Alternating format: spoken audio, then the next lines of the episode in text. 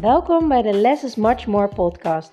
De podcast waarin je alle ins en outs komt te weten over minimaliseren en hoe je snel rust en ruimte in je huis creëert.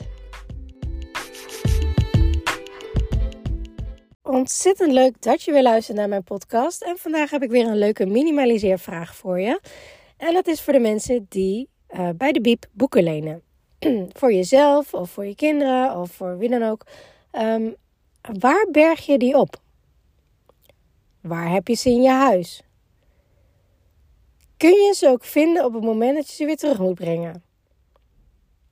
Ik weet nog heel goed, uh, vroeger ging ik ook naar de biep toe en ik kon ze nooit vinden. En ik weet nog heel goed dat mijn moeder wel eens zei: Ja, we moeten de boeken inleveren, waar zijn die? En ik dacht echt: Ja, geen idee. Misschien hier in het kastje, misschien daar, misschien in de woonkamer.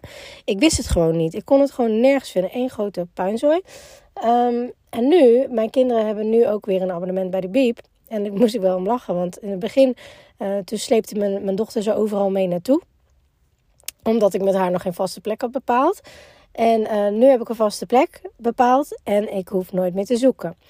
Uh, en dat is heel fijn, want ik zet het ook in mijn agenda. Ik ben een enorme zevener chaot, zoals jullie al weten. Ik zet het in mijn agenda wanneer de biepboeken terug moeten. En mijn man die heeft, zeg maar, de mail komt allemaal bij hem binnen. En dan stuurt mij ook altijd een appje van, weet je dat die dan en dan terug moeten? Uh, wij doen dat zeg maar een beetje zo om en om wegbrengen. En wat ik ook doe om het makkelijker voor mezelf te maken, is dat ik altijd een vast aantal laat uitkiezen.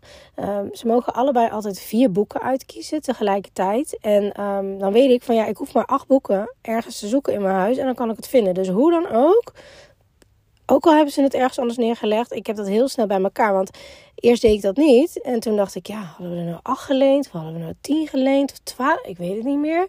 Um, en uiteindelijk krijg je dan wel een mail van de biep uh, met welke boeken. Maar ja, als dat nog niet op het moment is dat, uh, um, dat ze terug moeten, heb je dat mailtje nog niet. En ja, wist ik het gewoon echt niet meer. Dus op dit moment heb ik het echt uh, op een kamer bij hun boekenla naast hun gewone boeken liggen. En daar moeten ze liggen en blijven ze ook liggen. En sinds die tijd, sinds dat ik dat doe, maakt het zoveel makkelijker. En ook de vraag is, hoeveel boeken tegelijkertijd laat jij je kinderen bijvoorbeeld lenen? Want ik dacht uit mijn hoofd dat ze er tien per persoon per keer mochten lenen. Maar ja, dan wordt het zo'n enorme berg. Waarom zou je dat doen? En dan kan je dan niet beter wat vaker naar de biep. En lezen ze er ook echt in? Dat is de vraag. Of vinden ze het vooral heel leuk om het uit te kiezen op het moment dat je in de biep bent? Dus de vraag is, hoeveel biepboeken leen jij per keer? Kun je ze altijd vinden? Uh, is het makkelijk om ze weer terug te brengen? Ik ben heel erg benieuwd.